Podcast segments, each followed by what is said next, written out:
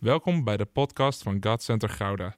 Vanaf deze plek willen we jou inspireren, motiveren en activeren om op een praktische manier je dagelijks leven met God vorm te geven.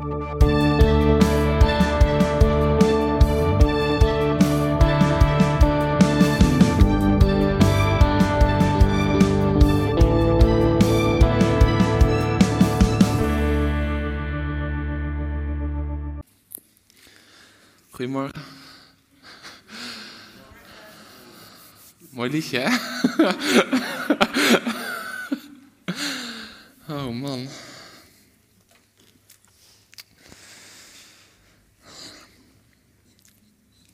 Nou, dit is eigenlijk waar ik mee wil beginnen vandaag. En eh, dat heeft alles te maken met een nieuwe cultuur bouwen. En ehm, toen ik eh, mijn voorbereiding startte, was het eerste punt. Een nieuwe cultuur bouwen begint met aanbidding. Nou, dat heb ik geweten zojuist. Nieuwe cultuur bouwen begint bij geef me Jezus.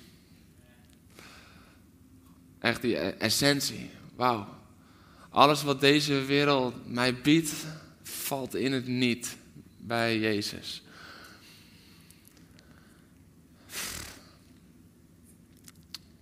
Ik, uh, daar kom ik zo direct verder op. Ik wil je proberen mee te nemen uh, naar ongeveer anderhalf jaar geleden. En dat was het begin van de coronacrisis. En uh, net voordat het eigenlijk allemaal begon, toen ervoor ik heel erg sterk dat in de vaste week die we zouden gaan hebben richting Pasen, dat daarin echt een stukje. Ik gaf het toen nog niet de naam cultuur, maar dat we wel zouden gaan bouwen. En aan, nieuwe dingen in de gemeente. En dan bedoel ik niet dat nieuwe dingen opeens georganiseerd werden, maar eigenlijk een vernieuwing in de gemeente. En, um, en ik, ik, was er heel vurig over en ik dacht van, oh, dat, dat gaan we doen. En toen opeens konden we niet meer samenkomen. En toen voelde ik ook, en dat was, ik, ik heb niet heel erg vaak een hele duidelijke stop gevoeld van God, maar toen voelde ik ook echt een stop van God van ja, maar dit zijn de dingen die je niet via een livestream of via een scherm gaat delen, maar dit is echt even een stukje wachten totdat we weer echt samen zijn. Want een stuk cultuur bouwen, en ik gaf het toen nog niet de naam cultuur, maar nu snap ik dat God toen al met cultuurbouwen in mijn leven bezig was. Dat stukje cultuur bouwen, dat, dat kan niet op afstand, dat doe je samen. Want samen bepalen we de cultuur. En samen bepalen wij met elkaar de cultuur van de kerk. En allereerst hier in God Center Gouda. Maar ik geloof daarin ook dat we met elkaar geroepen zijn om niet alleen dan binnen onze eigen kerkmuurtjes te kijken hoe we cultuur kunnen bouwen en bewaken. Maar dat we daarin ook verder mogen gaan. En verder mogen bouwen, ook naar buiten toe. En waar ik heel erg door werd getriggerd de afgelopen weken is. Wat blijft er over als alles wegvalt? Wat blijft er over als de band wegvalt en we hebben alleen nog een piano over? Wat blijft er over als de mooie lichten wegvallen en het is donker en een beetje wit licht? Wat blijft er over als we niet meer kunnen samenkomen zoals we gewend zijn, maar het moet op een andere manier? Wat blijft er over? En vul het maar in. Misschien voor jou wel, wat blijft er over als die warme knuffel wegvalt, die normaal gesproken als je binnenkwam altijd kreeg bij het welkomsteam al, of, of misschien als je bekende tegenkwam, wat blijft er over? En ik voelde zo dat God me uitdaagde om daar goed over na te denken. Van wat blijft er over van de visie van de gemeente? Wat blijft er over van love God, love people, love yourself? Als al die andere praktische dingen die het ondersteunen opeens wegvallen. Zijn we dan nog net zo vurig? Zijn we dan nog net zo enthousiast? Zijn we dan nog, nog steeds, geef mij Jezus? Of komt er een cultuur van onvrede of klagen of misschien wel onverschilligheid? Ach ja, ach, het kabbelt allemaal een beetje voort en laten we maar kijken waar het eindigt. En misschien voel je dat dat de afgelopen anderhalf jaar ook wel met je heeft gedaan, met je hart heeft gedaan. Misschien ben je ontevreden over hoe de dingen nu zijn. Misschien ben je ontevreden dat, dat we al met 100 man samenkomen. Misschien ben je wel ontevreden dat we niet nog steeds gewoon zonder die anderhalve meter weer met 300 man samenkomen. Misschien ben je ontevreden over de livestream, omdat het geluid daar wat harder binnenkomt dan dat je hier in de zaal zit. Misschien ben je ontevreden over, nou, vul het zelf maar in. En wat blijft er over op het moment dat de vormen wegvallen die we zo gewend zijn? Dan blijft de cultuur altijd over. En daarom willen we het daarover gaan hebben komende inmiddels jaar.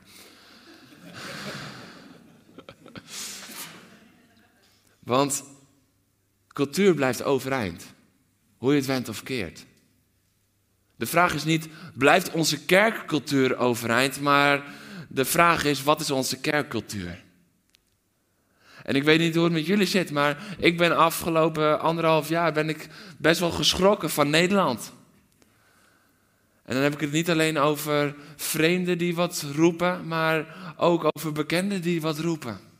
En ik ben er best wel van geschrokken hoe de kerkcultuur blijkbaar een, eh, een cultuur is van kritiek leveren op elkaar als je het niet helemaal voor 100% met elkaar eens bent. En als je het voor 95% met elkaar eens bent, dan maak je de ander gewoon stuk over die 5%. Want dat is de cultuur. Nee, Jeroen, nu sla je door. Nee, dat is niet de cultuur die we bouwen, want we bouwen een cultuur van genade en liefde. Nee, dat is het woord dat we lezen. Maar de cultuur die blijft overeind staan in elke crisis. En wat is de cultuur geweest in de afgelopen crisis? Is dat we elkaar vooral hebben bestookt waar we het niet over eens waren. Dat zit dus heel erg diep geworteld in de cultuur die we hebben toegelaten en hebben gebouwd, ook in de kerk. Maar het is tijd voor een cultuurverandering. Het is tijd dat we daarin zelfs onze zonde beleiden en dat we voor een verandering gaan, voor een change gaan. Want op het moment dat we dat niet doen, dan blijven we daarin. En dan kan het weer verbloemen, omdat we nu weer samen mogen komen. En Nederland gaat langzaam van het slot af. En als het allemaal zo doorgaat, dan mogen we vanaf de 25ste mogen we zonder anderhalve meter. En dan denken we van, ja, we zijn, het, het gaat weer beter. En, en zie je wel, de, de kerk wordt weer sterker. Maar dan is het wachten tot de volgende crisis, totdat de ware aard weer naar boven komt. We moeten de ware aard gaan veranderen met elkaar. We moeten bewust gaan bouwen aan een nieuwe cultuur, een nieuw fundament misschien zelfs wel. En dan heb ik het niet over het stuk dat Jezus het fundament is, maar het fundament waar, waarop wij verder bouwen. Cultuur bouwen met elkaar. En als we dan gaan beginnen, dan heb ik me voor vandaag echt enorm moeten inhouden. Want als je al voor meer dan twintig weken weet wat je wil gaan delen, dan moet je ontzettend inhouden die eerste keer om niet al allemaal previews te geven. Dus ik ga ontzettend mijn best doen om me daaraan te houden. Maar ik wil als fundament kijken naar het boek Esra. Want het boek Esra gaat over de herbouw van de tempel. En eigenlijk is dat heel erg toepasselijk voor een stuk herbouw van de cultuur, een stuk herstel van de kerk, herbouw van de kerk, zoals we dat eigenlijk nu ook nodig hebben. En het is een tijd na de ballingschap. De Israëlieten die hebben een tijd in ballingschap gezeten. En dat betekent dat ze waren weggevoerd uit hun eigen comfortzone, uit hun eigen land. En dat ze onder de heerschappij van anderen mochten leven. Dus ze konden niet hun eigen cultuur bewaken, maar ze werden meegenomen in de cultuur van een ander. En er werd ze opgelegd en daar ga je in mee. En gelukkig is het totaal anders vandaag. Of niet? Misschien lijkt het vandaag de dag wel meer dan ooit als de tijd van de ballingschap net voor Esra. Want is het niet zo dat wij nu ook in een tijd leven waarin de wereld ons probeert te onderdrukken als kerk en dat we vooral moeten gaan zeggen en vinden wat de wereld doet? Ja, je mag nog wel bestaan als je het maar doet op de manier zoals wij dat oké vinden. Dat is ballingschap. Dat is hoe de Israëlieten daar leefden. Weet je, ze werden niet vermoord. Ze werden uitgeleid en ze zeiden: Jullie mogen wel bestaan, maar doe het zoals wij dat willen. En dat is precies in de tijd waarin we nu zitten. Want de druk op de kerk neemt toe. En, en, en, en de woede tegen de kerk neemt ook toe. En, en zoveel mensen proberen invloed uit te oefenen. In de politiek, gewoon in de maatschappij, vanuit de verschillende sectoren. En het is tijd om op te staan met elkaar. Het is tijd om te zeggen van, oké, jullie proberen ons misschien in een ballingschap te duwen, maar wij gaan de kerk herbouwen. En dan is de kerk niet het gebouw. Kijk, we gaan naar Esra kijken en daar waren ze letterlijk de tempel aan te herbouwen. Maar dat gaat verder als alleen een gebouw. Want die tempel, dat was de plaats van ontmoeting. Die tempel was de plaats van principes, waar invloed werd uitgeoefend, waar de lessen werden geleerd. Dus dat gaat verder dan alleen dat gebouw. Dat was eh, als het ware de plek waar het gebeurde. Maar als wij het hebben over de kerk herbouwen, dan gaat het niet over een uitbouw. Ik ga jullie straks niet zeggen van jongens, we gaan uitbouwen in de kerk. Nee, we gaan de kerk herbouwen en wij zijn met elkaar de kerk. Laten we het ook gewoon gelijk gaan lezen. Ik wil vragen of je opstaat voor het woord van God. In Estra 3, vers 1 tot en met 6 gaan we lezen als eerste. En daarna lees ik nog een stukje, vers 10 tot en met 13. Aan het begin van de zevende maand, toen de Israëlieten zich in hun steden hadden gevestigd, ze waren dus teruggekomen, verzamelde het voltallige volk zich in Jeruzalem, iedereen. Jezua, de zoon van Jozadak, en zijn medepriesters en Zerubabel, de zoon van Seatiel, en zijn verwanten, zij bouwden het altaar van God, uh, van de God van Israël, om daarop te kunnen offeren zoals de voorschriften in de wet van Mozes, de, uh, de godsman.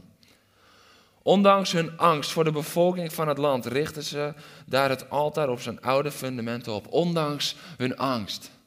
Weet je, als we de kerk gaan herbouwen en als we de cultuur gaan herbouwen, dan gaan we niet doen alsof we daar af en toe niet een beetje bang van worden. Maar we gaan dat erkennen, zoals zij dat ook deden. Maar ondanks hun angst gingen ze daarin door en ze offerden aan de Heer. Ze droegen de brandoffers voor de morgen en de avond op. Ze vierden het Loofhuttenfeest volgens de voorschriften. Elke dag brachten ze het vereiste aantal brandoffers. Zoveel offers dus als er voor iedere dag zijn voorgeschreven. Van toen af aan brachten ze ook hun dagelijkse offer en het offer op de nieuwe maan en de offers bij alle heilige hoogtijdagen van de Heer. En verder alle vrijwillige gaven aan de Heer. Al vanaf de eerste dag van de zevende maand droegen ze brandoffers op aan de Heer. Ook al waren de fundamenten van het heiligdom van de Heer nog niet gelegd. Dan sla ik een klein stukje over. Ik wil ook nog even vers 10 tot en met 13 met je lezen.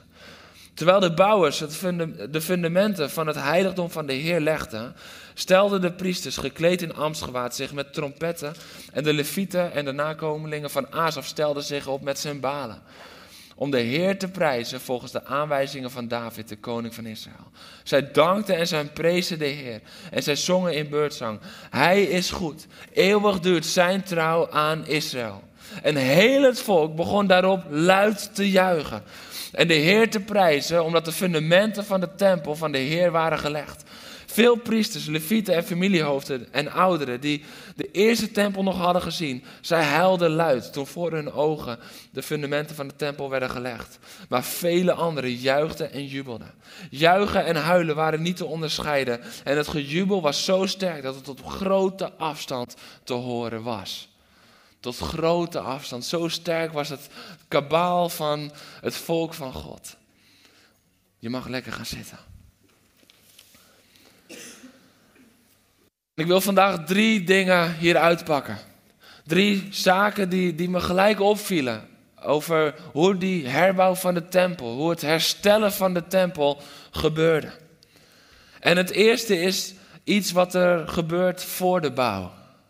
En dat is wat ik net al zei. Voor de bouw begint, beginnen zij al te aanbidden.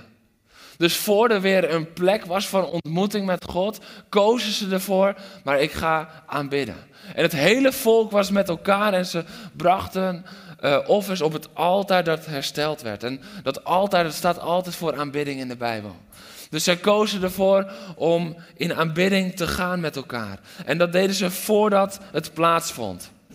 Dus uh, voordat het hersteld was, begonnen ze alweer met de aanbidding, met de eredienst als het ware. Ze begonnen hem lof toe te zingen. En, en dat vond ik zo mooi. Want ik werd daar enorm door getriggerd dat ik dacht van ja, hoe vaak is het zo dat, dat, dat, wij al beginnen met aanbidden voordat we hem ervaren. En dan heb ik het over echt aanbidden vanuit het diepste van je hart. Hoe, hoe vaak is het dat we echt helemaal opgaan in, in hem voordat we misschien dat gevoel terugkrijgen van hem. En hoe vaak is het niet dat we wachten totdat het heiligdom wel gebouwd is en die plaats van ontmoeting hersteld is en dat we dan denken van oké, dan kunnen we. Maar God roept ons op om te beginnen met. Want er zit iedere keer in het woord, en dat zien we steeds terugkomen, er zit een kracht in als we beginnen met aanbidden voor dat. Weet je, Gideon bouwde een altaar en zei: De Heer is vrede. toen zijn land nog in oorlog was. Toen zijn volk nog onderdrukt werd. Maar hij zei al: De Heer is vrede. Hij deed het al voordat. En het is zo goed om iedere keer voordat het plaatsvond al te aanbidden. Zijn we in staat om God te aanbidden voordat het wonder waar we zo naar verlangen, dat we zo nodig hebben, plaats heeft gevonden? Kunnen we met dezelfde vrijmoedigheid tegemoet gaan op het moment dat Hij nog niet heeft gedaan wat wij denken nodig te hebben, maar we kunnen Hem al aanbidden? Weet je, dit volk kwam uit een ballingschap. Ze hadden, nog, ze, hadden nog amper wat. En de cultuur, ze moesten vechten om die nu overeind te houden. Ze waren onderdrukt in die, in die cultuur. Ze hadden jarenlang hadden ze niet mogen leven zoals ze zouden willen leven met God. Dat is de realiteit in waarin ze terugkomen. En het eerste wat ze herstellen is die aanbidding. Als we verlangen naar een cultuurverandering, dan moeten we beginnen met aanbidding. Weet je waarom? Aanbidding zorgt ervoor dat we naar boven gericht zijn, naar God gericht zijn. En als we niet naar God gericht zijn en we kijken om ons heen, dan raken we vaak afgeleid en dan gaan we toch weer onze eigen weg.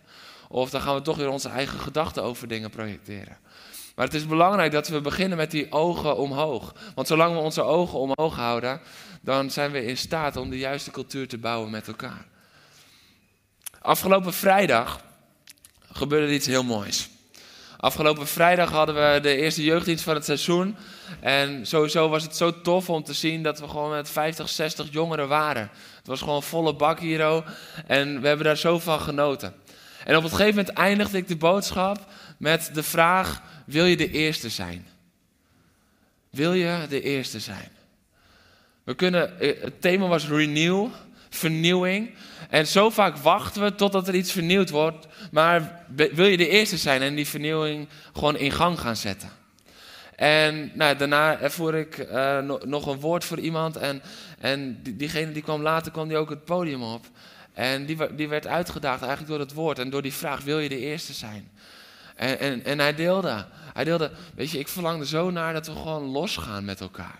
We zijn zo vaak zo een beetje gereserveerd en, en, en terughoudend. En dan vinden we het spannend om ons helemaal te laten gaan. En toen zei hij, zo gewoon Turn It Up opzetten van Planet Shakers. We hadden niet uh, een voltallige band, we hadden een drum, een piano en een gitaar. En daarmee kun je misschien niet dat nummer spelen, maar zo gewoon dan aanzetten op YouTube. Old school. En zullen we dan gewoon gaan springen en dansen en juichen voor Jezus? En hij was de eerste. Hij was de eerste daarin. En hij stapte ook het podium af. Hij ging in het midden staan. Alle stoelen werden aan de kant geschoven. En hij ging ook in het midden staan. Gewoon even een statement van, en nu gaan we het doen ook. En ik ga jullie voor. En het was zo vet. Met YouTube. Ik dacht, we doen een YouTube-dienst. Maar maar daar valt alles even weg, hè? Weet je, we hadden misschien, weet je, als je kijkt naar Turner, het was ook nog niet eens een, een vette video, weet je wel, dat je uh, ziet hoe een concert is of zo. Nee, het was gewoon de lyric video. Ja. YouTube. En het maakt geen klap uit als de juiste cultuur er is. Als het doorbroken wordt en iemand zegt, ik ben de eerste. En het maakt me niet uit wat anderen dan van me denken, maar ik ga met mijn stijve heupen, ga ik gewoon dansen. En het maakt me niet uit wat anderen van me zeggen, of het uitermate is, maar ik ga springen. Het maakt me niet uit wat anderen van me zeggen, maar ik ga gewoon keihard Jezus schreeuwen op sommige momenten. En misschien slaat mijn stem helemaal over, maar het maakt me niet uit, want ik ga voor Jezus. En dan wil ik best de eerste zijn. En daar werd een stuk cultuur gebouwd. En het, het sloot zo mooi aan. En uh, nog iemand anders kreeg ook daarna echt een, een duidelijk woord van: oké, en dit is dan niet zo van: oké, wauw, vette ervaring. En volgende keer stappen we weer terug naar het oude, maar volgende keer stappen we in waar we gebleven zijn. En dat is wat we deze serie ook willen doen met elkaar. We willen iedere keer verder bouwen, verder bouwen, verder bouwen. Dat we niet terugstappen naar: oké, toen was het. Nee, we gaan door en door en door. En ik zie nu een aantal tieners en jongeren kijken van... oké, dat wordt springen komende maanden, ik ga trainen. Ja, dat wordt springen komende maanden. En, en, en, ik denk dat we voortaan, zeg maar, in plaats van met handdesinfectie... dat we gewoon met deobussen klaarstaan voor jullie. Want, want dat is nodig. ja. Laat het maar lekker gebeuren, dat is goed. Maar wil je de eerste zijn? En ik vond het zo vet dat het gebeurde. En weet je wat ik het allermooiste vond? Kijk, als je kijkt naar mijn hart en met, met de jeugdleiders en met de tienerleiders. In ons hart is om een, een uh, jeugdband te bouwen. Waarmee we die nummers zelf kunnen spelen. Waar, waarmee we gewoon de hele dienst dat soort nummers kunnen spelen en los kunnen gaan. En die gasten mee kunnen nemen in crazy praise en diepe aanbidding. Want daar verlangen we naar. We verlangen ernaar dat die jongeren helemaal loskomen van wat hun buurman van hun denkt, de buurvrouw van hun denkt. Maar dat ze alleen maar denken: geef me Jezus. Geef me Jezus. Maar wat ik zo tof vond, is dat eigenlijk wat we daar zagen, dat dat gebeurde. Want voordat het er is, gebeurt het nu al. De band hebben we nog niet. Als je goed bent, uh, goed bent. maar als je, als je goed bent in een instrument en je, en je bent jong en je hebt passie voor jongeren. Ga naar de dienst, ga naar Sifra, naar Javet of naar Dave en, en, zeg van, oh, ik wil hier aan meebouwen. Maar het is nu al ontstaan voordat het er was. En dat is krachtig. Dat is krachtig, want dan bouw je de cultuur. En weet je wat het krachtige daarin is? Dan krijg je dus op het gegeven moment dat als je alleen met een piano bent een keer, dat dat niet meer uitmaakt.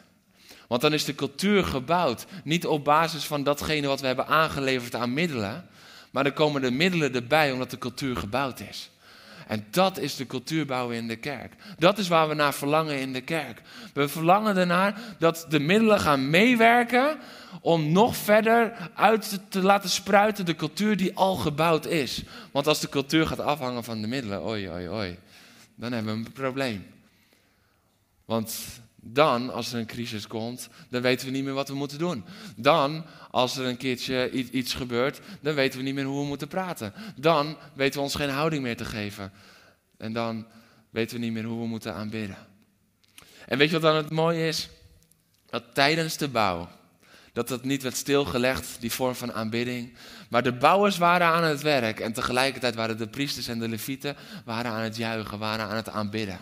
In elke stap moet aanbidding verweven zijn. Zonder aanbidding kunnen we geen cultuur bouwen. Zonder aanbidding kunnen we niet herbouwen. Dus alles wat we gaan doen de komende tijd is in aanbidding. Dus misschien ga ik wel een keer een preek zingen. Ik weet het nog niet. Maar het zou zomaar kunnen. We gaan het doen in aanbidding. En dan mag je meezingen, Sjaak. Yes. Ja, want we gaan het doen in aanbidding. Want dat zorgt ervoor dat we continu gericht blijven op Hem. En wat ik dan zo mooi vind, het tweede is, dus alles gebeurt vanuit aanbidding. En het tweede is, is dat het eerste wat ze deden was de cultuur herstellen. En dat zien we dus opnieuw. Ze wachten niet met de cultuur herstellen totdat het gebouw weer staat. Maar er staat, vanaf dat moment brachten ze offers, de brandoffers in de ochtend en de avond. En ze vierden hun feesten weer. En dat is zo belangrijk. Dat we weer gaan herstellen voordat misschien de omgeving er klaar voor is. We moeten gaan herstellen. Weet je, als wij gaan wachten totdat Nederland klaar is voor het herstel van de kerk, dan komt het er niet. Nederland gaat daar niet klaar voor zijn. Maar als wij de kerk gaan herstellen, dan wordt Nederland klaar voor het herstel. Dat al plaats aan het vinden is. Want dat is wat we nodig hebben, dat is wat er nodig is. Weet je, een van de krachtigste dingen is om iets in te voeren voordat het er al is. Ik heb dit voorbeeld wel eens gehoord en ik hoor het ook wel vaak mensen zeggen.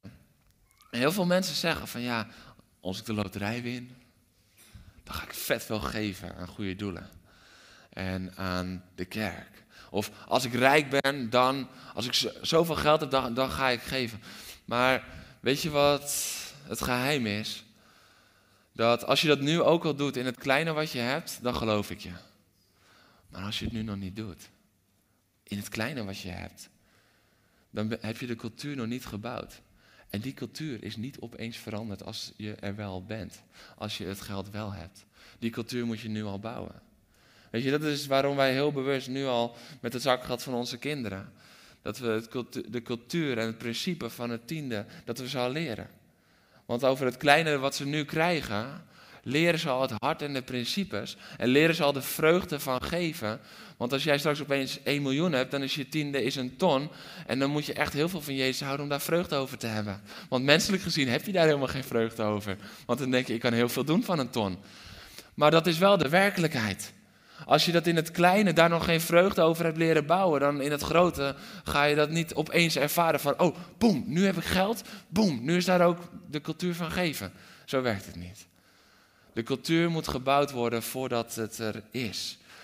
En dat is wat zij deden. Ze kozen om de cultuur te bepalen voordat de omstandigheden ernaar waren. Dat is wat het volk Israël hier deed. De tempel was er nog niet. En zeker in die tijd, weet je wel, wij zijn nu al veel meer losgekomen van het principe een gebouw.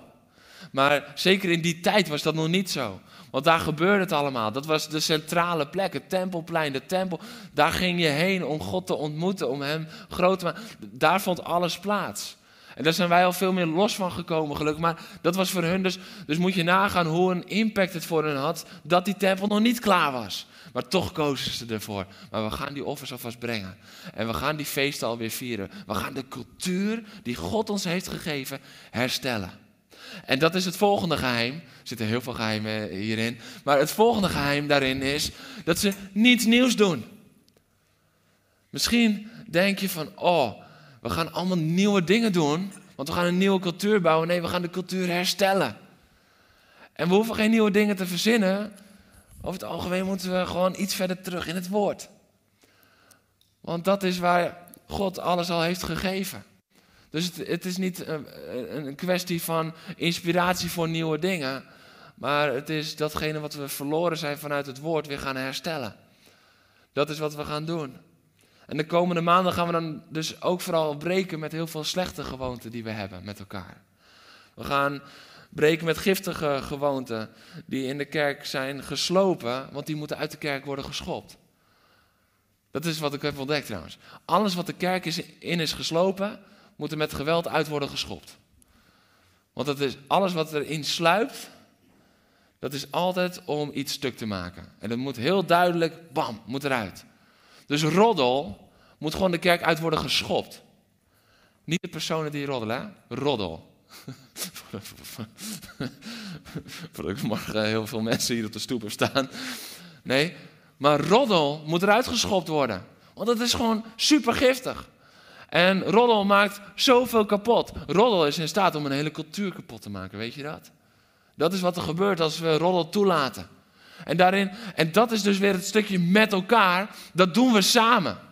Dat, dat kunnen we alleen samen doen. Dat is niet zo van, oké, nou een aantal leiders die uh, zorgen daarvoor en die bewaken dat. Nee, we zijn één grote familie. We zijn samen de kerk. We zijn samen het lichaam van Christus. En we moeten elkaar daar scherp in houden.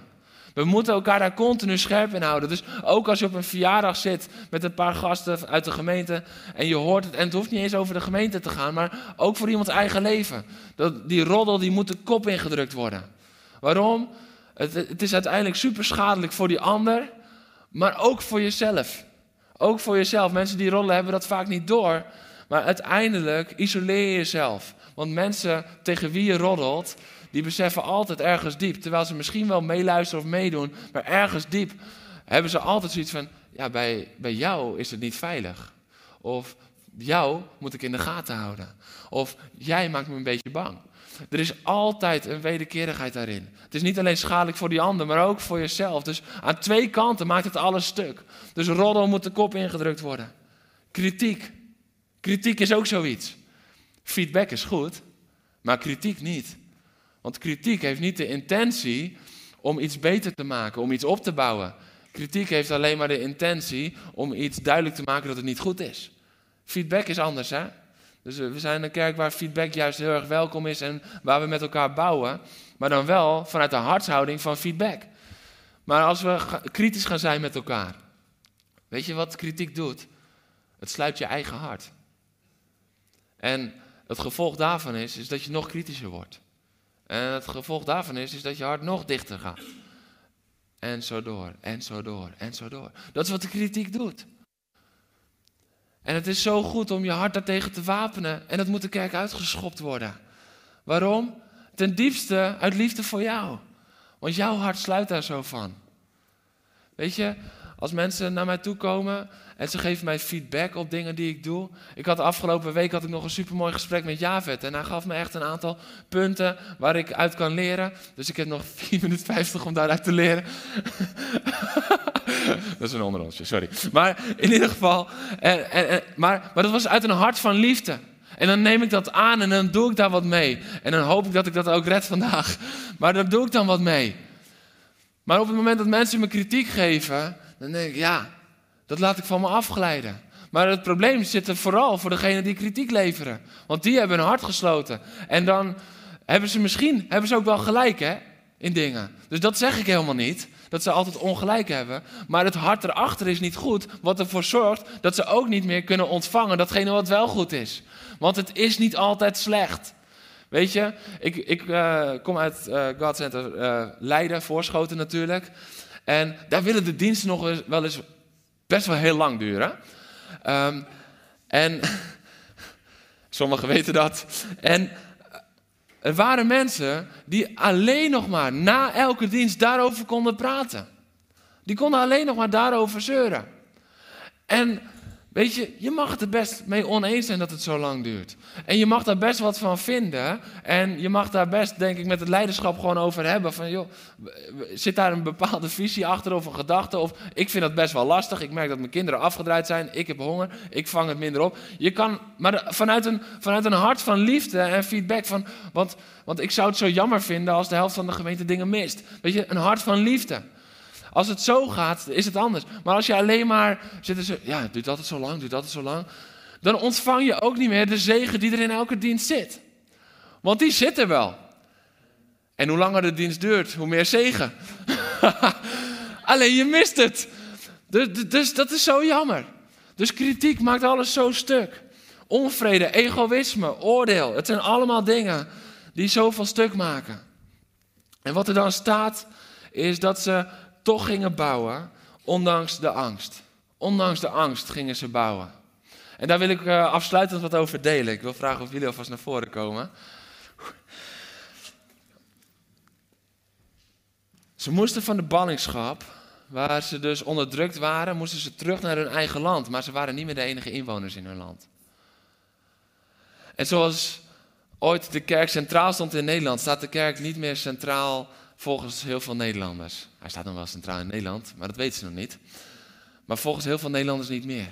En dat zorgde ervoor dat er veel kritiek kwam van buitenaf. En dat er veel wantrouwen was naar het volk. En dat zorgde ervoor dat ze bang waren voor de volken om hen heen.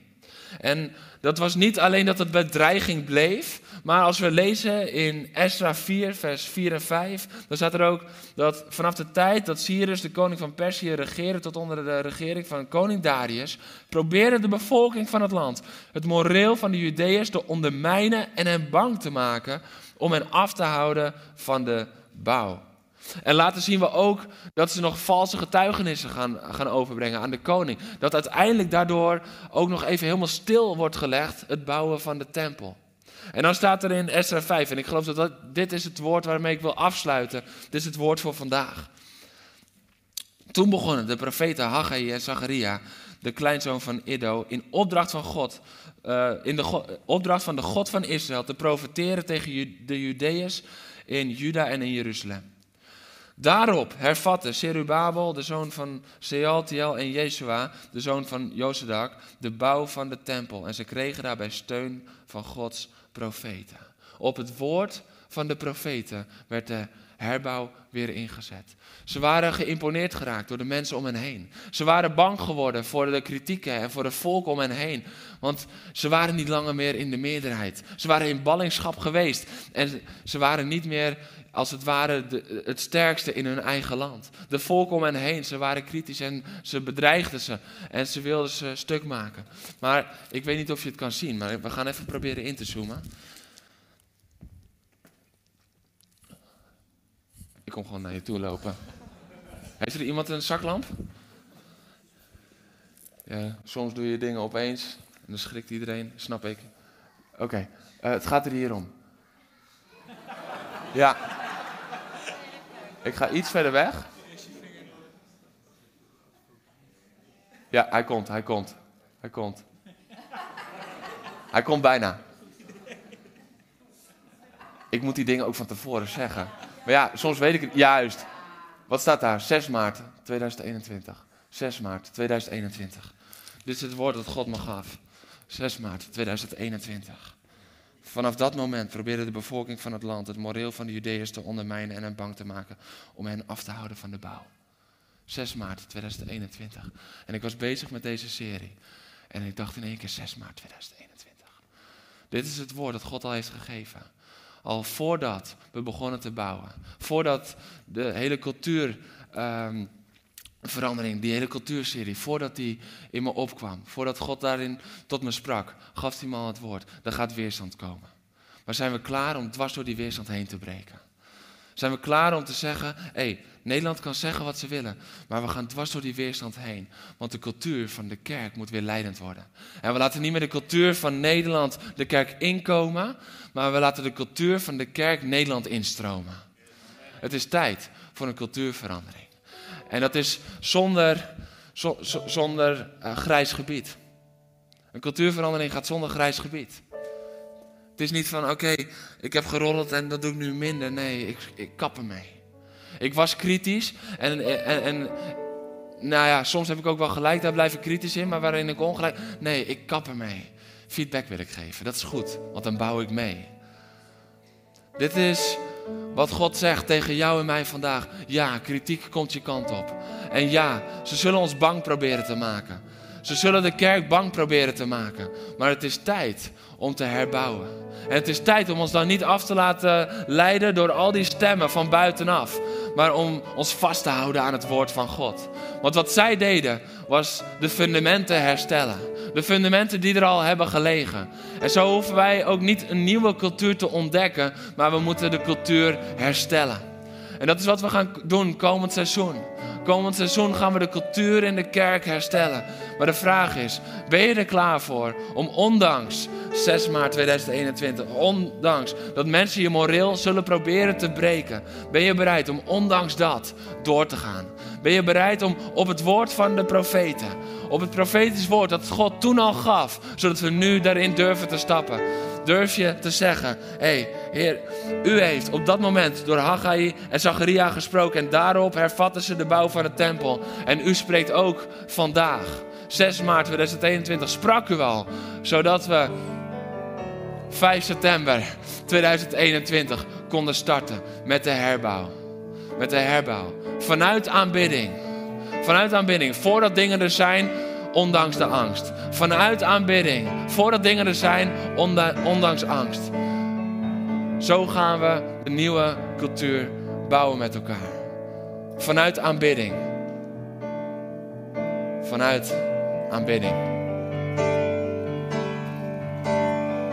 Bedankt voor het luisteren naar deze podcast. Volg ons op onze kanalen om verbonden te blijven. Heeft deze aflevering jou geraakt? Deel dan op je socials en tag ons, zodat we samen meer mensen kunnen bereiken.